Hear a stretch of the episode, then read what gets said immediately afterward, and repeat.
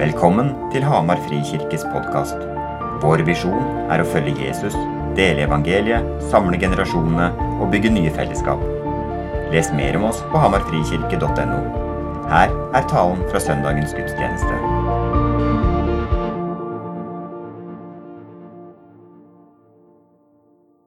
Litt original fun fact. Jeg er norgesmester i bob. Uh, jeg var på Krik Explore uh, i år, og så deltok jeg på aktiviteten bob. Uh, bob, det er sånn, Du sitter i et sånt badekar.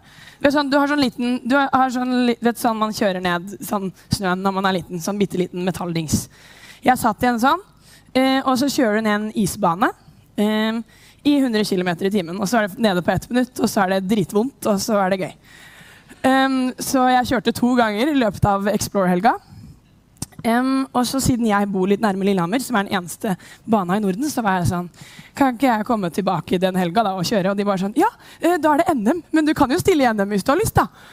Um, og så Det som var greia, var at jeg var den eneste som stilte. Så jeg gikk for gull. Så da er jeg norgesmester i bob.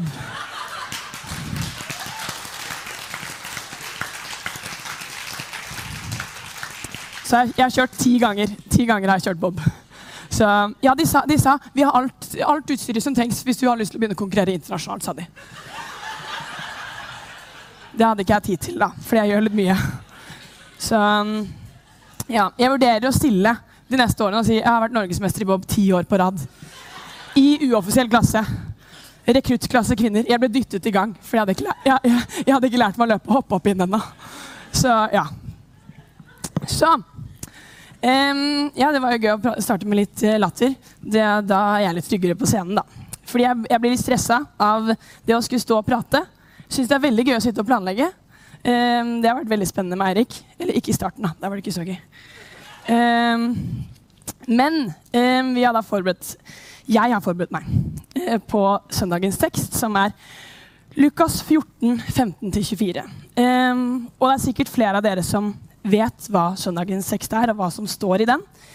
Noen av dere har kanskje lest den denne uka uh, med tanke på at den skal bli snakket om på gudstjenesten. Uh, andre har kanskje lest den tidligere. Mens for noen av dere så er den sikkert også ganske ukjent.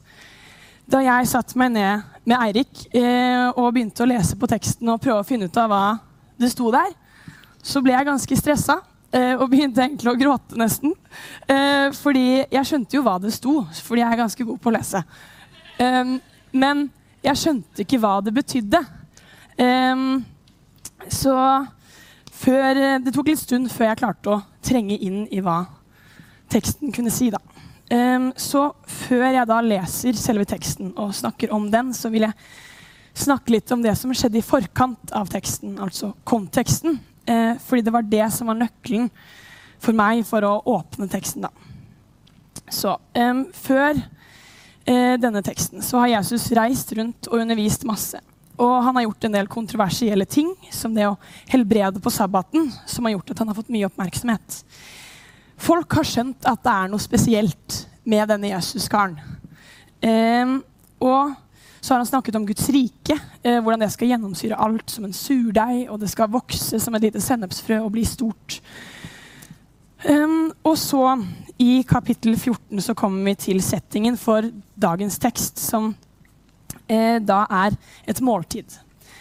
Jesus er invitert til å spise hjemme hos en fariseer som er medlem av rådet, på sabbaten. Eh, og da er det mest sannsynlig en del andre fariseere der. Eh, og da fariseere, det er jo folk som eh, fikser dette med religion. Folk som gjør alt riktig i forhold til loven. Folk som tar det som, kanskje som tar det som et selvfølge at de er der de er. At de skal være der i det selskapet. Og de holder øye med Jesus fordi det er sabbat, så da skal de sjekke om han gjør noe galt. Um, og så er det en til stede som har en sykdom. Og Jesus uh, helbreder uh, denne mannen. Og så sier han disse ordene i vers 5. Så sier han om dere har en sønn eller en okse som faller i brønnen, vil han ikke da straks trekke dem opp, selv om det er sabbat? Og så blir fariseerne stille. Og når de skal gå til bords for å spise, så reagerer Jesus på hvordan folk velger å plassere seg ved bordet. Det er sånn at De som hadde høyest status, de skulle sitte øverst ved bordet sammen med verten. Og de som hadde lavere sosial status, skulle sitte lenger ned. Og så er det mange som setter seg høyt opp fordi de antar at de har en plass høyt ved bordet. Og dette reagerer Jesus på, og så forteller han en lignelse eh, om det å være innbudt som gjest. Han sier at man skal sette seg lavt ved bordet, for så å bli bedt om å ta plass høyere ved bordet om verten ønsker det. Og så sier han noen ord til verten eh, som sier noe om det å invitere gjester. At man da skal invitere mennesker som man ikke kan forvente å få en invitasjon tilbake fra. Eh, man skal invitere de fattige og uføre, de lamme og blinde. Og så sier han, da er du lykkelig, for de kan ikke gi deg noe igjen. Men du skal få lønn for dette når de rettferdige står opp fra de døde. Og så kommer søndagens tekst, fra vers 15 til 24. En av gjestene som hørte dette, sa til ham, Salig er den som får sitte til bords i Guds rike. Men Jesus sa til ham, Det var en mann som ville holde et stort gjestebud, og han innbød mange. Da tiden for gjestebudet kom, sendte han tjeneren sin av sted for å si til de innbudte, Kom, for nå er alt ferdig. Men de begynte å unnskylde seg, den ene etter den andre. En sa, Jeg har kjøpt et jordstykke og må gå ut og se på det. Vær så vennlig å ha meg unnskyldt. En annen sa, Jeg har kjøpt fem par okser og skal ut og prøve dem. Vær så vennlig å ha meg unnskyldt. Og en tredje sa, Jeg har giftet meg, og derfor kan jeg ikke komme. Tjeneren kom tilbake til, eh, og fortalte dette til sin herre. Da ble husherren sint og sa til tjeneren, Gå straks ut på byens gater og torg og hent inn de fattige og uføre og blinde og lamme. Tjeneren kom tilbake og sa, Herre, jeg har gjort som du sa, men det er ennå plass. Da sa Herren til tjeneren, gå ut på veiene og stiene og nød folk til å komme inn, så huset mitt kan bli fullt. Fordi det sier jeg dere, ingen av dem som var innbudt, skal få smake av festmåltidet mitt. Og ta meg noe vann.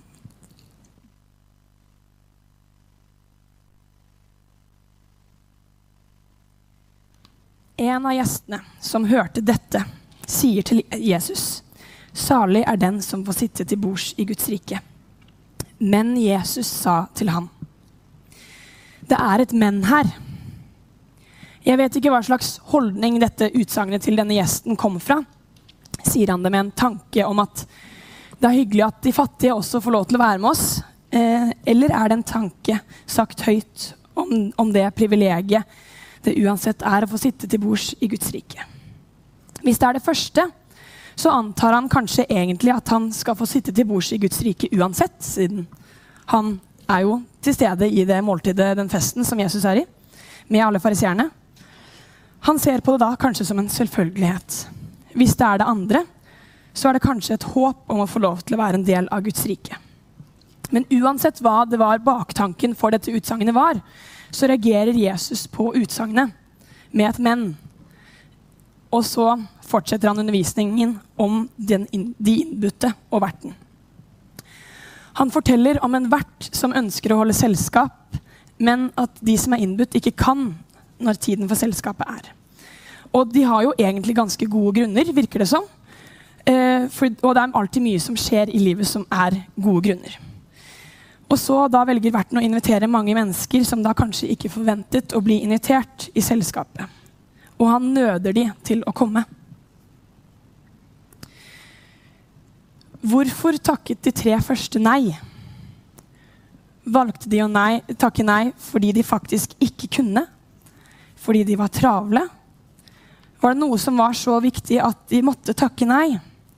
Eller tok de det som et selvfølge at de fikk invitasjonen, og at de skulle få den igjen senere? Vi kan i hvert fall se tre ulike vinklinger på denne teksten. Verten som inviterer og får avslag tjeneren som sender invitasjonen på vegne av verten og tar med svaret tilbake til verten. Og den inviterte, som har valget mellom å takke ja eller nei. Og jeg ønsker å fokusere på de inviterte. Vi kan se for oss at eh, de inviterte har to ting å forholde seg til. En holdning oppover til verten og en holdning utover til de andre inviterte. Vi har de som er inviterte, og som forventer å bli invitert. Og så har vi de som også blir invitert, som ikke forventer å bli invitert. Hvordan forholder den som kanskje forventer å bli invitert, seg til invitasjonen? De vil jo sikkert være der, men de andre tingene som de også mener er viktigere der og da. Og det er forståelig, fordi vi har alle ting som vi mener er viktige.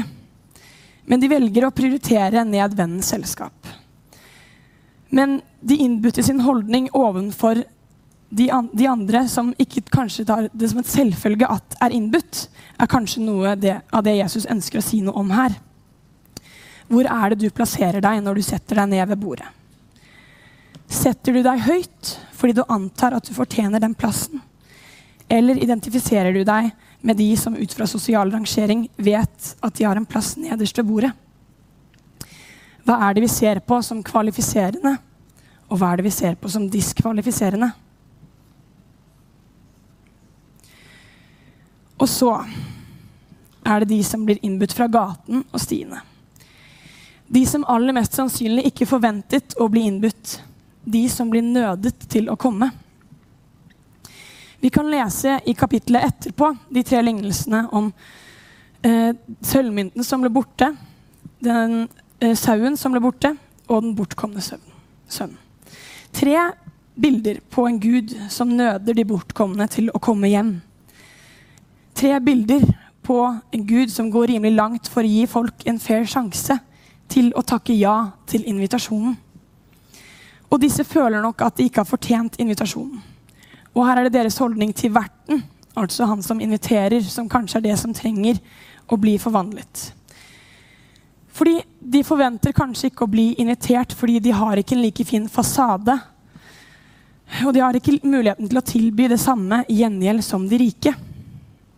Men Jesus nøder de likevel til å komme, fordi han vil ha det i sitt hus. Og han ønsker at alle skal komme, han vil gi dem muligheten til å takke ja eller nei på invitasjonen. Og jeg ser ikke på denne teksten som en dømmende tekst som beskriver den eneste sjansen vi har til å takke ja eller nei til ett eneste måltid. Jeg velger heller å se på denne teksten som den daglige invitasjonen. Hvordan går vi til bords i det daglige fellesskapet med Gud og menneskene rundt oss? Fordi invitasjonen den er til et måltid. Og vi har måltid hele tiden. Vi trenger måltid for å komme oss gjennom dagen. Så måltid er hverdagslig. Og da jeg og Eirik da snakket om talen, så snakket vi om det at det er den samme innbydelsen som det er i nattverden hver søndag, som verten formidler til gjestene når, når det er klart for festen. Kom, for alt er ferdig. Dette sies hver søndag i kirka når det er nattverd. Og Eirik stilte meg spørsmålet at hvis det blir invitert til et fellesskapsmåltid hver søndag i kirka, er det noe som da er viktigere? Dette utfordret meg litt fordi jeg har vært mye rundt siste halvåret, alle mulige andre steder. Um, men hvordan forholder vi oss til invitasjonen? Er det noe som er viktigere? Tar vi det som et selvfølge? Har vi misforstått hva invitasjonen er? Og vet vi hvem det er som inviterer? Tar vi det som et selvfølge at vi blir invitert?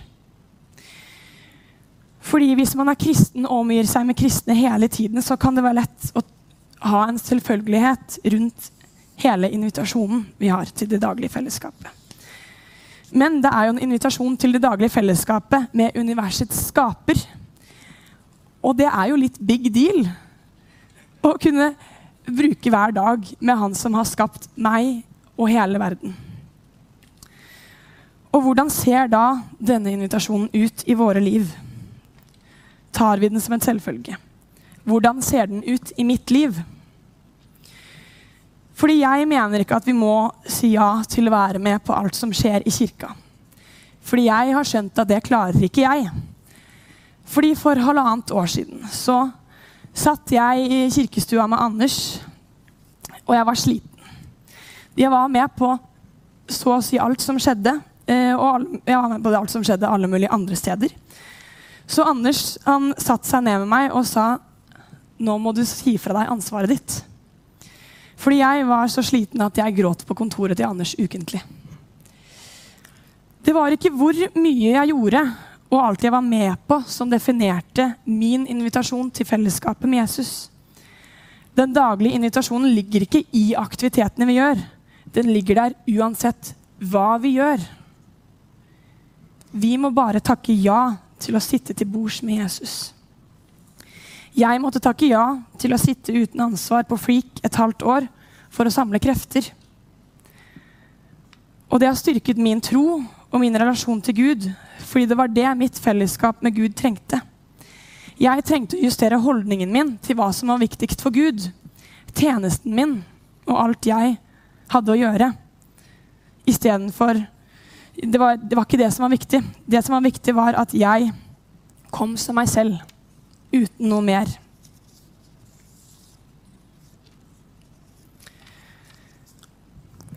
For det er nåden som inviterer. Og nåden, den er alltid ufortjent. Klarer vi å se på invitasjonen for hva den virkelig er? Jeg hadde så mye å gjøre at det kom i veien for den daglige invitasjonen til fellesskap med Jesus. Fordi det er relasjonen jeg først blir invitert til, ikke tjenesten. Og alle har fått en invitasjon. Og da må, da må vår holdning til alle de inviterte være ydmyk. Fordi vi er ikke invitert for hva vi gjør, og hvor flinke vi er. Vi er invitert til fellesskap med Gud uansett. Og Hvis man da er en som synes det å tro har vært ganske naturlig gjennom livet, og har vært masse i kirka, så må vi da gi rom til de som ikke føler det slik. Hvis man er sikker på sin velkommenhet i kirka og hos Jesus, så da må vi videreformidle den velkommenheten til de som ikke er like sikre på at de er velkomne ikke like sikre på hva deres tro er verdt. Fordi alle er et sted i forhold til tro, og alle er invitert. Så da er det ikke hvor flink man er til å tro, det kommer an på. La oss gjøre det lettere for hverandre å føle at vi kan ta imot invitasjonen til det daglige fellesskapet med Jesus. Og det ser ulikt ut. For meg var det å ta tid til meg selv og trappe ned ansvaret mitt i kirka og få påfyll. For andre så er det at de trenger hjelp til å i det hele tatt skjønne at de er invitert. Jeg skjønte at jeg var invitert, men jeg skjønte bare ikke hvordan. Og jeg skjønte ikke hvordan jeg skulle takke ja på riktig måte. Om man føler at man ikke tror nok, så er man invitert. Man er invitert til fellesskap, og man er invitert av kjærlighet. Ikke fordi man oppfyller noen kriterier. Vi kan se i kapittel 15, altså kapittelet etterpå, at det har skjedd noe med folket etter at Jesus har undervist. Det står i vers 1 at alle tollerne og synderne holdt seg nær til Jesus for å høre ham. De skjønte at de var invitert. De skjønte at de hadde en plass ved bordet. La oss gjøre det lett å ta imot invitasjonen. Og la oss skape rom for at det ser ulikt ut å ta imot invitasjonen ut ifra hvor man er. Men Jesus ønsker at vi skal komme til fellesskap og ta imot invitasjonen uansett. Og invitasjonen står støtt fordi kjærligheten står støtt. Og innbydelsen kommer fra et kors, fra det mest ydmyke stedet vi kan tenke oss. Og det er mitt navn og ditt navn som står skrevet på invitasjonen.